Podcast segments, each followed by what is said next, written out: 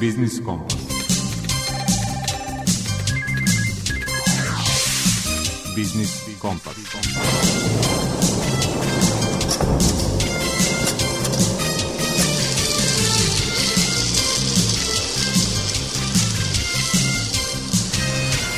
Pred mikrofonom je Đuro Vukelić.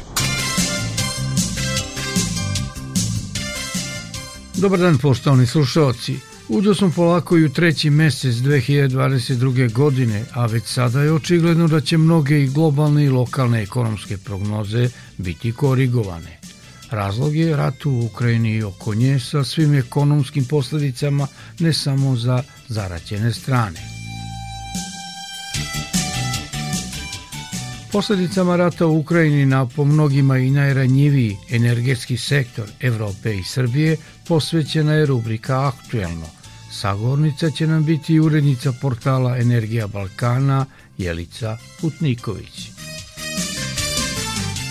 Krizom u Ukrajini i posledicama na srpsku privredu bavi se i gost autor rubrike iz mog Google, konsultant u mreži za poslovnu podršku Dragoljub Rajić. Koji pod kojim uslovima može da konkuriše za kredite namenjene posticanju kvaliteta turizma?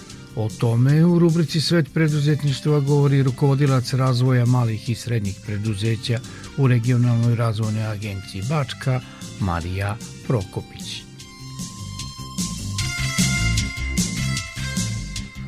Otklon od ekonomskih posledica ukrajinske krize učinit ćemo i rubrikom predmet financije. Šta se dešava ako ne platite polisu životnog osiguranja, tema je izlaganja savjetnice za zaštitu korisnika finansijskih usluga u Narodnoj banci Jelene Popović.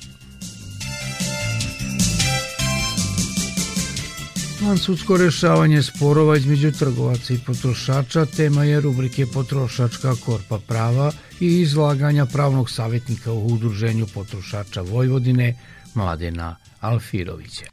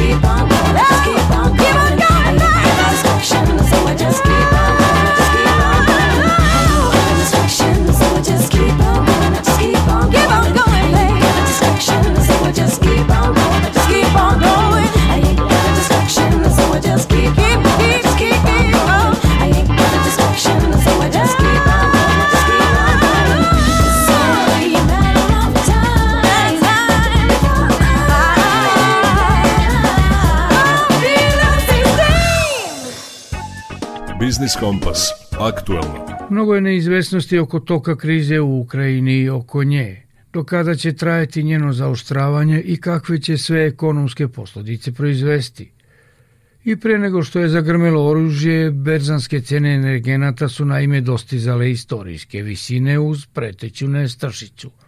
Urednicu portala Energija Balkana Jelicu Putniković pitali smo koliko vojna eskalacija ukrajinske krize utiče na snabdevanje i snabdevenost Srbije gasom i naftom. Mi zapravo nemamo još nikakve probleme što se tiče e, snabdevanja, to je dopremanja ni sirove nafte ni prirodnog gasa i nadam se da će tako i ostati. Naime, mi smo na e, snabdevanje gasom e, povezani preko Turskog toka koji stiže do Turske, pa kroz Bugarsku stiže gas do nas i mi ga naravno dalje transportujemo u Mađarsku i Hrvatsku.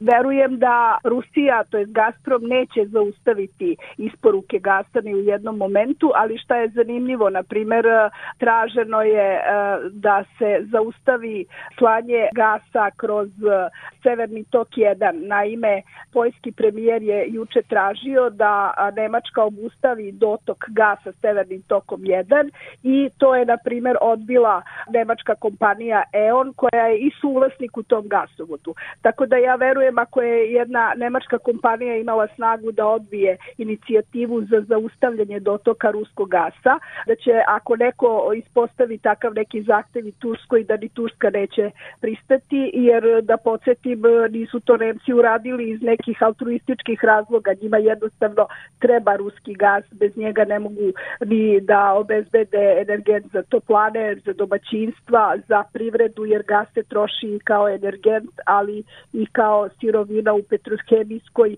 ili u, na primjer, industriji proizvodnje veštačkih đubriva. Šta je sa naftom? Čini se da će možda biti veći problem sa naftom, ali ako ne sa pa, cenama, ono sa količinama koje, koje su nam dostupne. Naftna industrija Srbije kupuje sirovu naftu na tržištu i uh, mi u principu znači možemo u Srbiju da dopremamo naftu preko Hrvatske, to jest preko uh, Jadranskog naftovoda. Janaf je kompanija koja posluje tržišto i mi smo jedini zapravo, pošto rafinerija u, u Republici Srpskoj u Bosanskom brodu ne radi, mi smo im jedini zapravo kupac. Ono što transportuju do nas, to im je zarada, tako da ja verujem da oni neće odustati odustati od toga da transportuju naftu ka Srbiji. S druge strane, to su dugoročni ugovori. NIS je potpisao ugovor sa Janafom o dopremanju nafte. Podsjetit ću takođe da u Srbiji svoje benzinske pumpe ima takođe i ruski Lukoil koji e, doprema gorivo iz svoje rafinerije u Bugarskoj. Imamo benzinske pumpe od Hellenic Petrola koji ili kupuje gorivo od ISA ili doprema naftne derivate iz svojih rafinerija u Grčkoj, imamo OMV koji je takođe vezan za svoje rafinerije u Austriji ili u Rumuniji i imamo mađarski MOL koji doprema gorivo iz rafinerije u Mađarskoj ako ga ne kupuje od NISA. Znači imamo jake evropske kompanije koje su sigurno sada usmerene na to da obezbede i gorivo za potrošače u svojim matičnim zemljama i tako da verujem da neće biti problema u snabdevanju sa gorivom.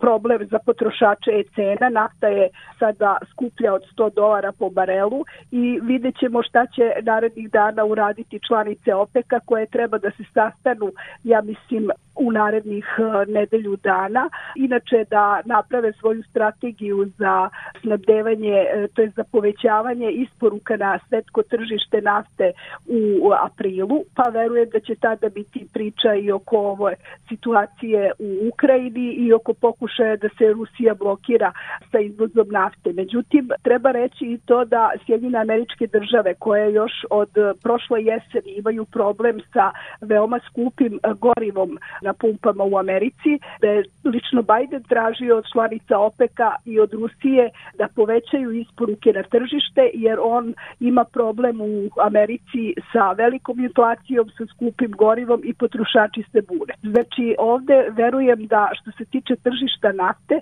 neće biti udara na Rusiju, da tako kažem, i na ruske kompanije koje izvoze sirovu naftu, jer Rusija, na primjer, snabdeva Evropu sa 30% sirove nafte i e, drugi je najveći izvoznik nafte na svetu. Kada bi se blokirali ruski izvozi nafte, svet bi bio u velikom problemu.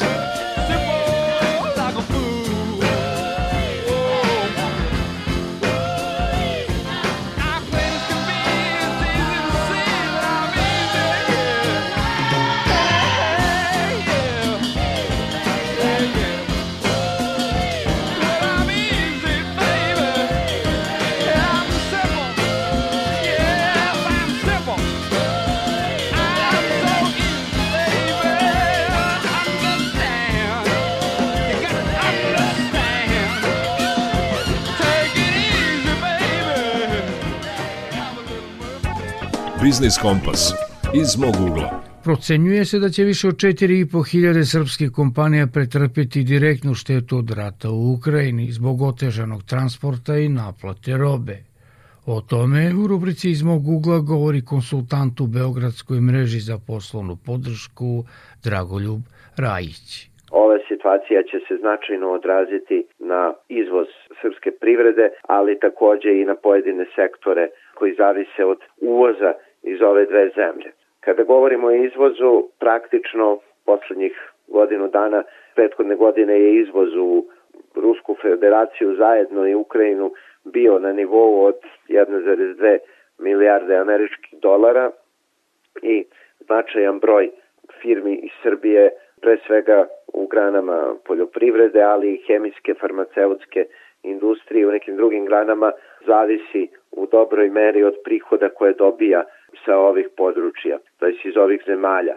Ono što je trenutno dosta veliki problem je zapravo kako ovaj, obezbediti puteve kojima kamioni sa robom mogu da stignu pre svega do Ruske federacije, zato što su naravno putevi kroz Ukrajinu zatvoreni, a veliki izazov predstavlja i to što alternativni putevi koji dakle idu preko Poljske i Belorusije su takođe zbog ratnih dejstva većinom zatvoreni, a imajući u vidu sankcije koje su evropske zemlje članice Evropske unije uvele ovaj, Rusiji zbog ratnih dejstava, to znači da će praktično prolazak i za kamione sa robom iz Srbije biti znatno otežan i još se očekuje da se praktično efekti tih mera koje su zemlje Evropske unije, pre svega Poljska, uvele, da se vidi kakvi će oni biti, da li će roba moći i u kom obimu da prolazi, da li će se na to gledati blagonaklono ili ne. U ovom trenutku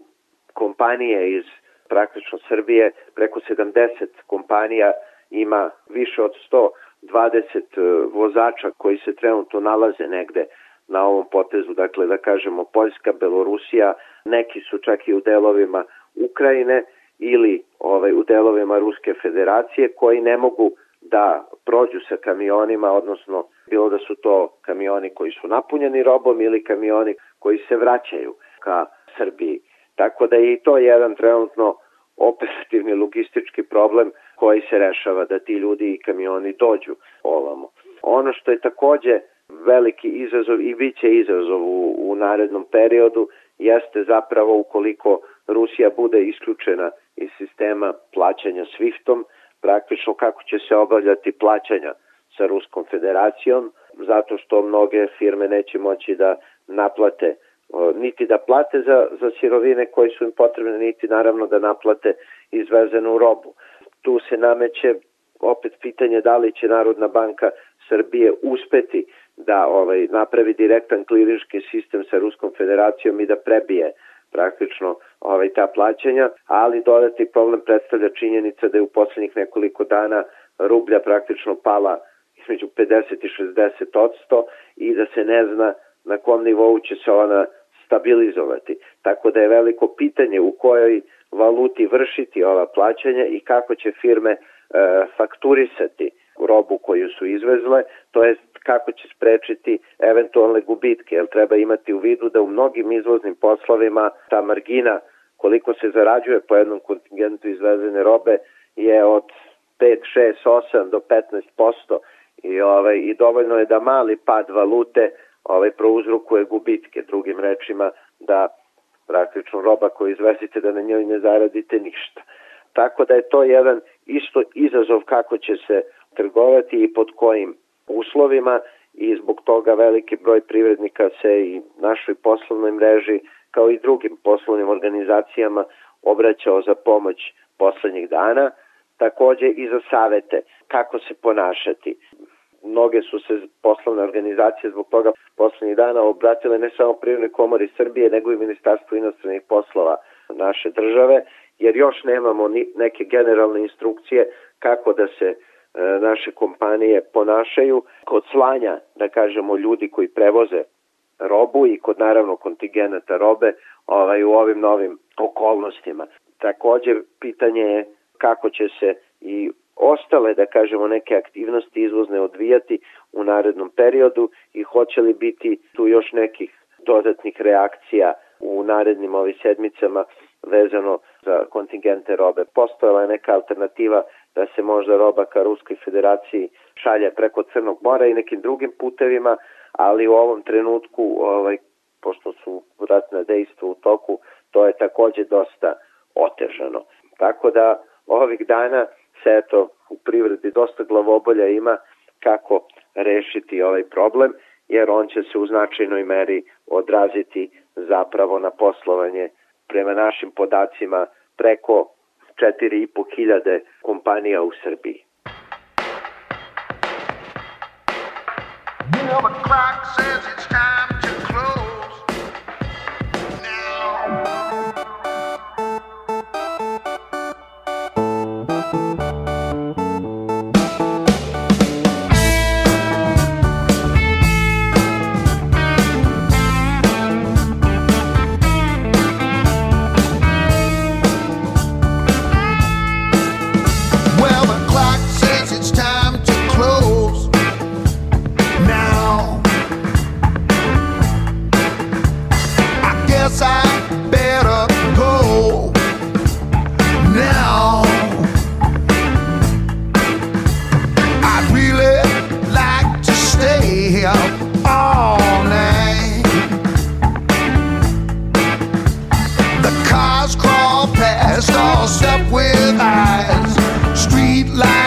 there be a hollow blow.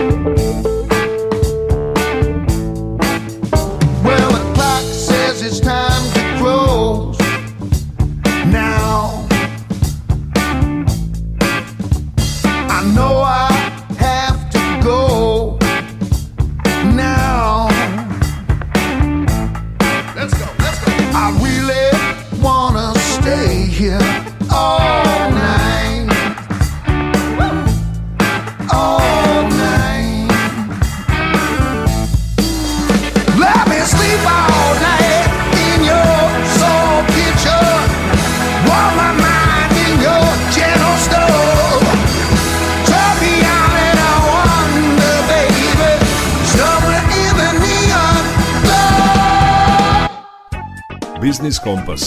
Svet preduzetništva. Rukovodilac projekata u regionalnoj razvojnoj agenciji Bačka Marija Prokopić u današnjem svetu preduzetništva predstavlja uslove pod kojima se nude krediti za posticanje kvaliteta turističke ponude.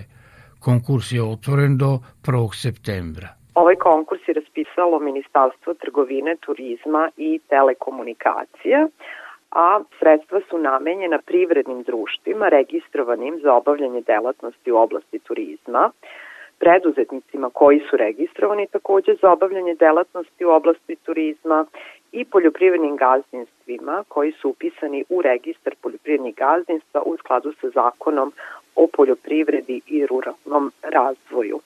A, koje su uslovi? Znači, u pitanju je kredit koji se realizuje preko Fonda za razvoj Srbije, a, gde je kamatna stopa od 1% na godišnjem nivou uz a, valutnu klauzulu. Rok otplate dodeljenih kreditnih sredstava je do 72 meseca po istoku odložnog roka koji traje 12 meseci i računa se od dana prvog povlačenja kreditnih sredstava, osim za Greenfield investicije kojima se finansira izgradnja turističke infrastrukture i suprastrukture, gde odložni rok traje 24 meseca i računa se od prvog povlačenja kreditnih sredstava. Otplata kredita vršit će se u tromesečnim anuitetima koji dospevaju 31. marta, 30. juna, 30. septembra i 31. decembra u godini, faktički e, četiri godišnje rate. Inače, za šta se može konkurisati, koja je namena? Za izgradnju, uređenje i rekonstrukciju hotelskih i drugih smeštajnih kapaciteta, restorana i objekata sportsko-rekreativnog i zabavnog sadržaja, zatim za restauraciju ruralnih objekata i njihovo pretvaranje u turističke kapacitete, za nabavku, rekonstrukciju i adaptaciju plutajućih objekata kao i prevoznih i rekreativnih sredstava namenjenih posetiocima i turistima, zatim za unepređenje marketinga domaće ugostiteljske ponude, dizajn, pripremu, proizvodnje i proizvodnju suvenira, zatim za izgradnju turističke infrastrukture i suprastrukture, kao i za usklađivanje turističkih kapaciteta sa zakonom kojim se uređuje oblast turizma i ugostiteljstva.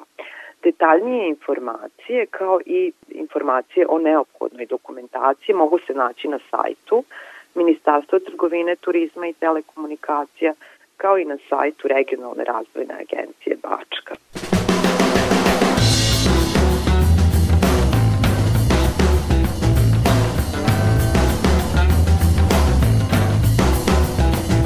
I got this phosphorism part to the gentle Jesus meek and mild. I got this Harley that I'm stuck with carrying another man's child. the solitary star announcing vacancy burn out as we arrived to throw us back across the border if they knew that we'd survive and they were surprised to see us so they greeted us with palms.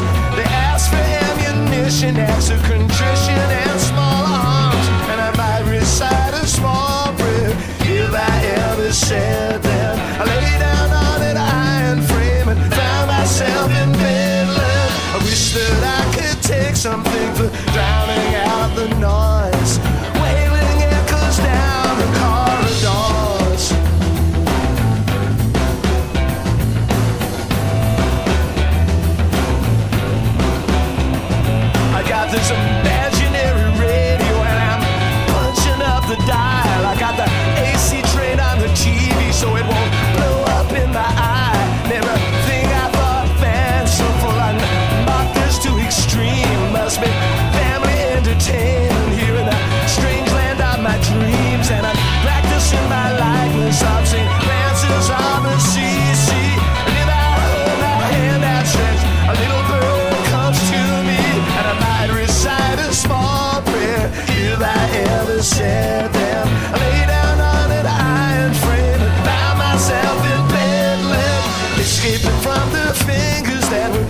into the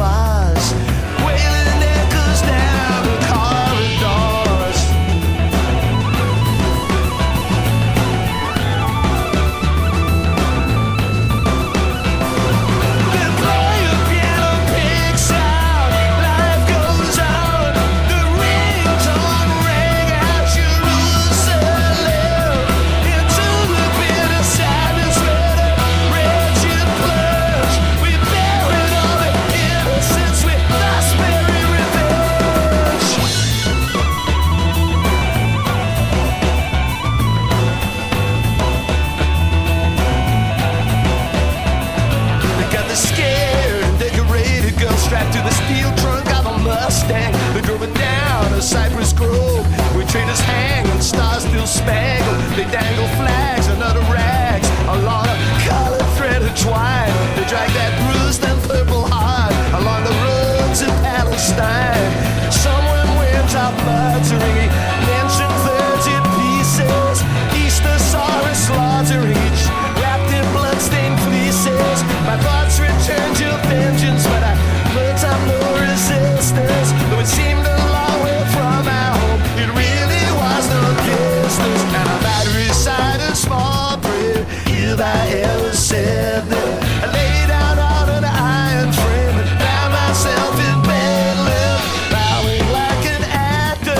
acknowledging applause.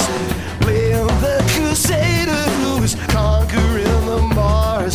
And he knew the consequences, but won't accept the cause.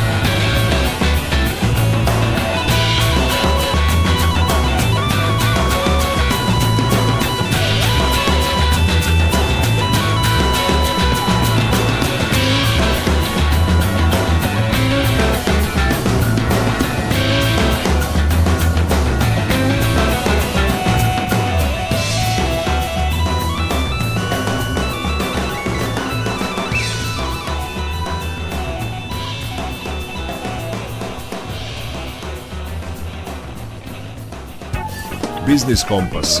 Predmet financije.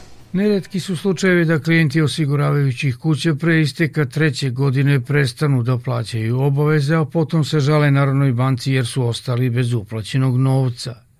O pravilima kod kašnjenja ili prestanka plaćanja polise životnog osiguranja govori savjetnik za zaštitu korisnika finansijskih usluga u Narodnoj banci Jelena Popović. Kada zaključuju ugovor o životnom osiguranju, ljudi se najčešće odlučuju za mešovito životno osiguranje.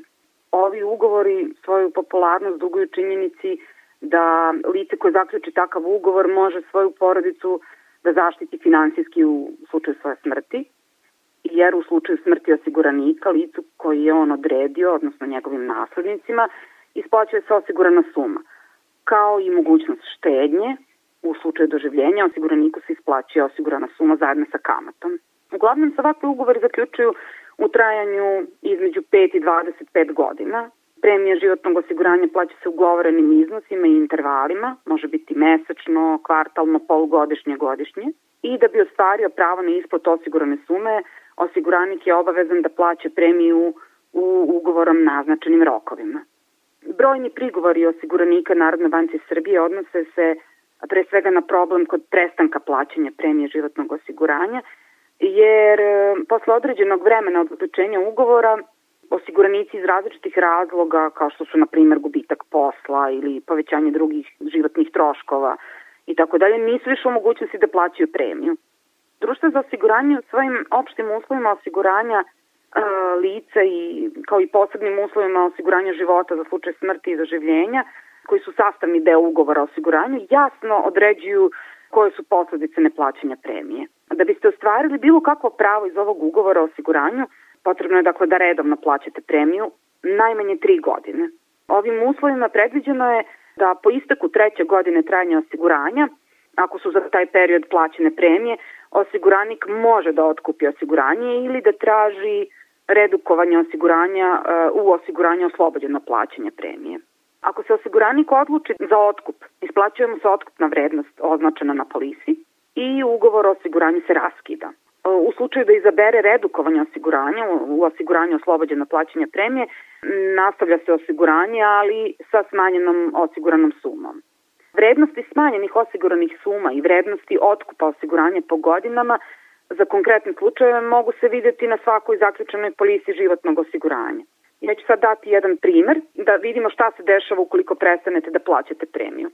Pretpostavljamo da ste zaključili ugovor o mešovitom životnom osiguranju prema kome osigurana suma u slučaju smrti ili doživljenja iznosi 10.500 evra, mesečna premija je 50 evra, a trajanje ugovora je 15 godina. Redovno plaćate premiju osiguranja svakog meseca u iznosima od 50 evra. Nakon dve godine i, na primjer, šest meseci, prestali ste da radite ili više niste u mogućnosti da plaćate premiju osiguranja i do tada ste ukupno po osnovu premiju platili iznos od 1000,5 evra. Sledećeg meseca niste uplatili premiju iznos od 50 evra i društvo za osiguranje je poslalo preporučenom poštom poziv da uplatite mesečnu premiju u roku od 30 dana od prijema poziva. Ukoliko niste bili u mogućnosti da isplatite ovu mesečnu premiju pomenutog roku, društvo će raskinuti ili već raskinulo ugovor, znači nakon 30 dana. Posle nekoliko meseci vi se obratite društvu za osiguranje sa zahtevom da vam se vrati uplaćeni novac jer više ne možete da plaćate, a društvo za osiguranje vas obaveštava da u skladu sa ugovorom nema nikakvu obavezu povraćaja novca. Možda ste mogli, na primjer, uz neki dodatni napor, uz pozajmicu od rođaka, prijatelja, da uplatite još šest mesečnih premija po 50 evra, što ukupno čini iznos od 300 evra. I time biste ispunili uslov po kome je potrebno uplatiti tri godišnje premije kojim biste zapravo stekli pravo na otkup osiguranja. Umesto da posle dve godine i šest meseci i uplaćeni hiljadu i po evra ostanete bez prava na otkup i povraćaj bilo kakve sume novca, ovako biste nakon tri godine i ukupno uplaćeni 1800 evra stekli pravo na otkup osiguranja u iznosu od 1000 evra. Bio bi vam dakle vraćen iznos od 1000 evra od ukupno uplaćenih 1800. Takođe, posle uplate trogodišnje premije, umesto otkupa osiguranja, mogli biste se dogovoriti sa društvom za osiguranje da i dalje budete osigurani sa smanjenom osiguranom sumom bez dalje obaveze da u buduće plaćate premiju.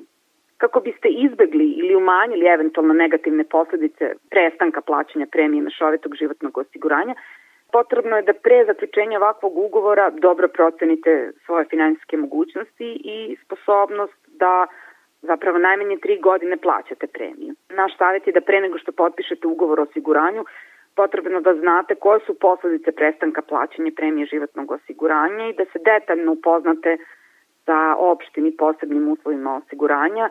Naravno da se ne ustručavate da pitate predstavnika osiguravajuće kuće pre nego što potpuno ne razumete sve odredbe ugovora.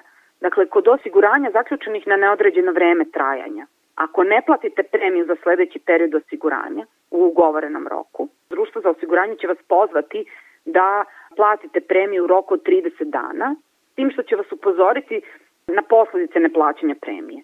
Dakle, osiguravač je u obavezi da isplati naknadu iz osnova osiguranja ako osigurani slučaj nastane do isteka roka od 30 dana, a vi ste dužni da platite premiju za tekuću godinu osiguranja i ukoliko u roku 30 dana nakon opomene izdate od strane društva za osiguranje ne platite premiju, ugovor prestaje da važi istekom 30. dana od datuma obaveštenja.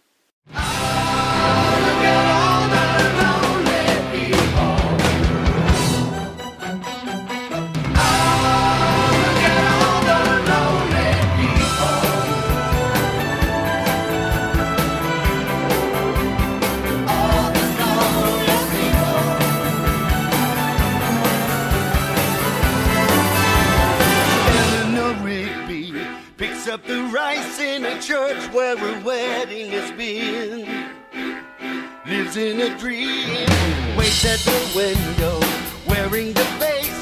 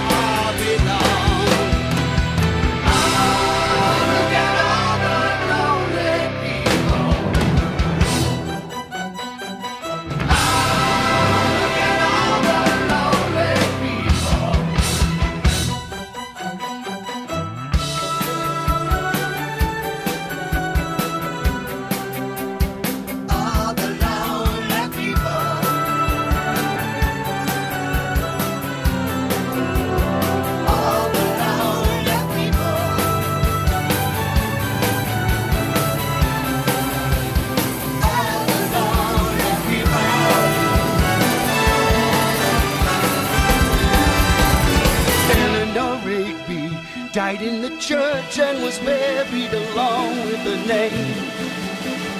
Nobody cared. Father Mackenzie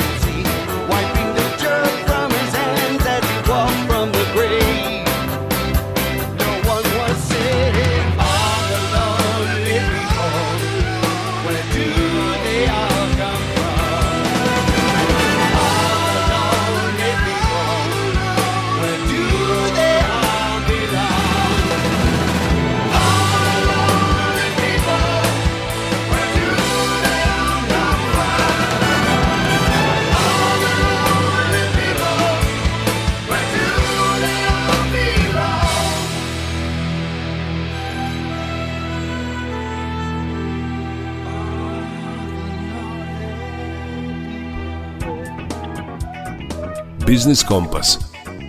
Potrošačka korpa prava. Od ovog meseca na snagu bi trebalo da stupi zakonsko rešenje o vansudskom rešavanju sporova između trgovaca i potrošača. O načinu ostvarivanja prava i prednostima takvog rešavanja potrošačkih sporova govori pravni savjetnik u Udruženju potrošača Vojvodine Mladen Alfirović. Ono što je bitno za, za same potrošače jeste to da ukoliko im trgovac odbije reklamaciju, a oni nisu zadovoljni takvim odgovorom, e, na prvo mesto je trgovac u obavezi da potrošače kojima je odbijena reklamacija uputi na telo za vansudsko rešavanje potrošačkih sporova. Taj spisak tela se vodi kod e, resornog ministarstva trgovine i ministarstvo trgovine onda dodeljuje taj predmet telu za koje smatra da će najcelishodnije rešiti taj spor e, u smislu blizine e, mesta, boravišta i prebivališta samog potrošača.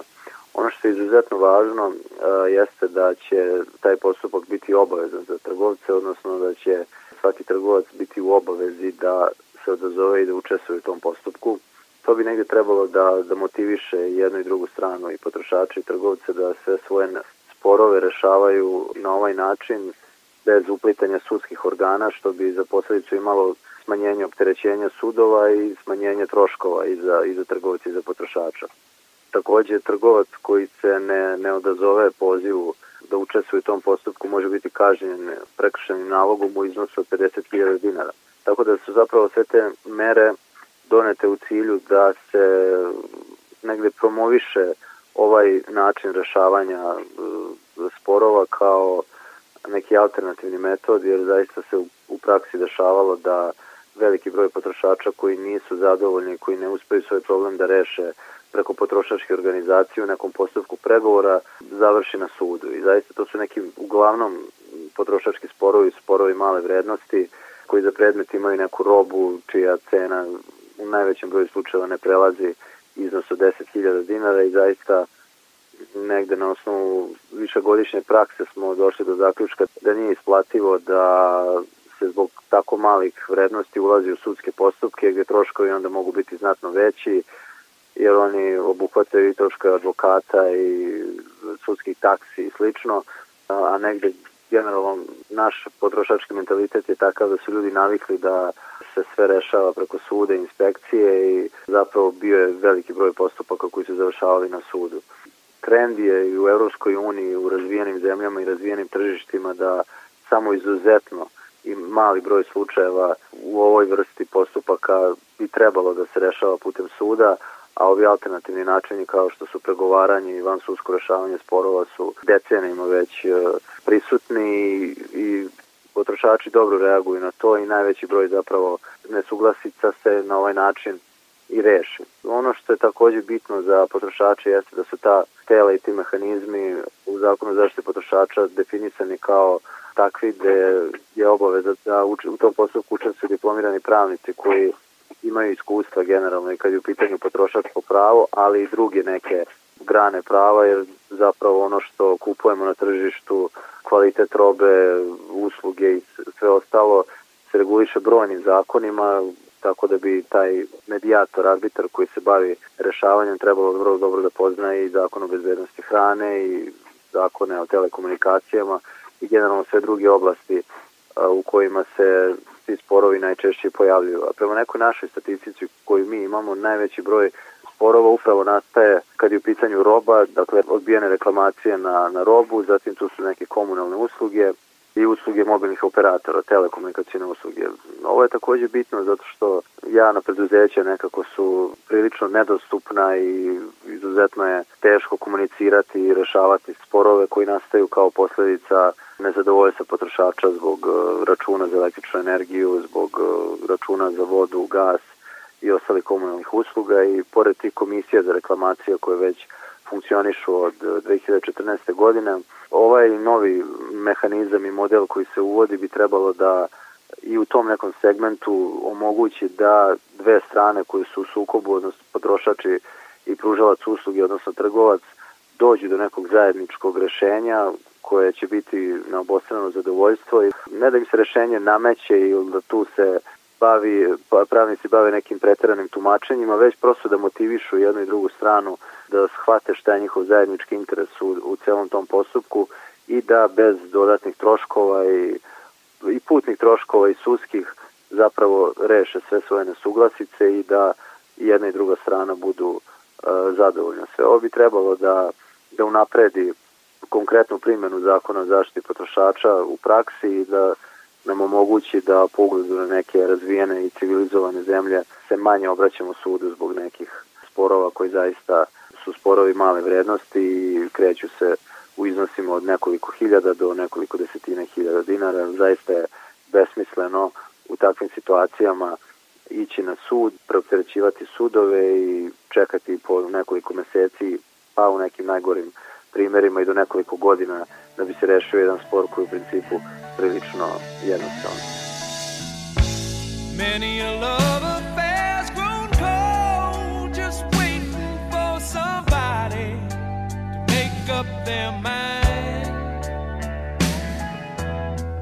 But you really don't know just how unfair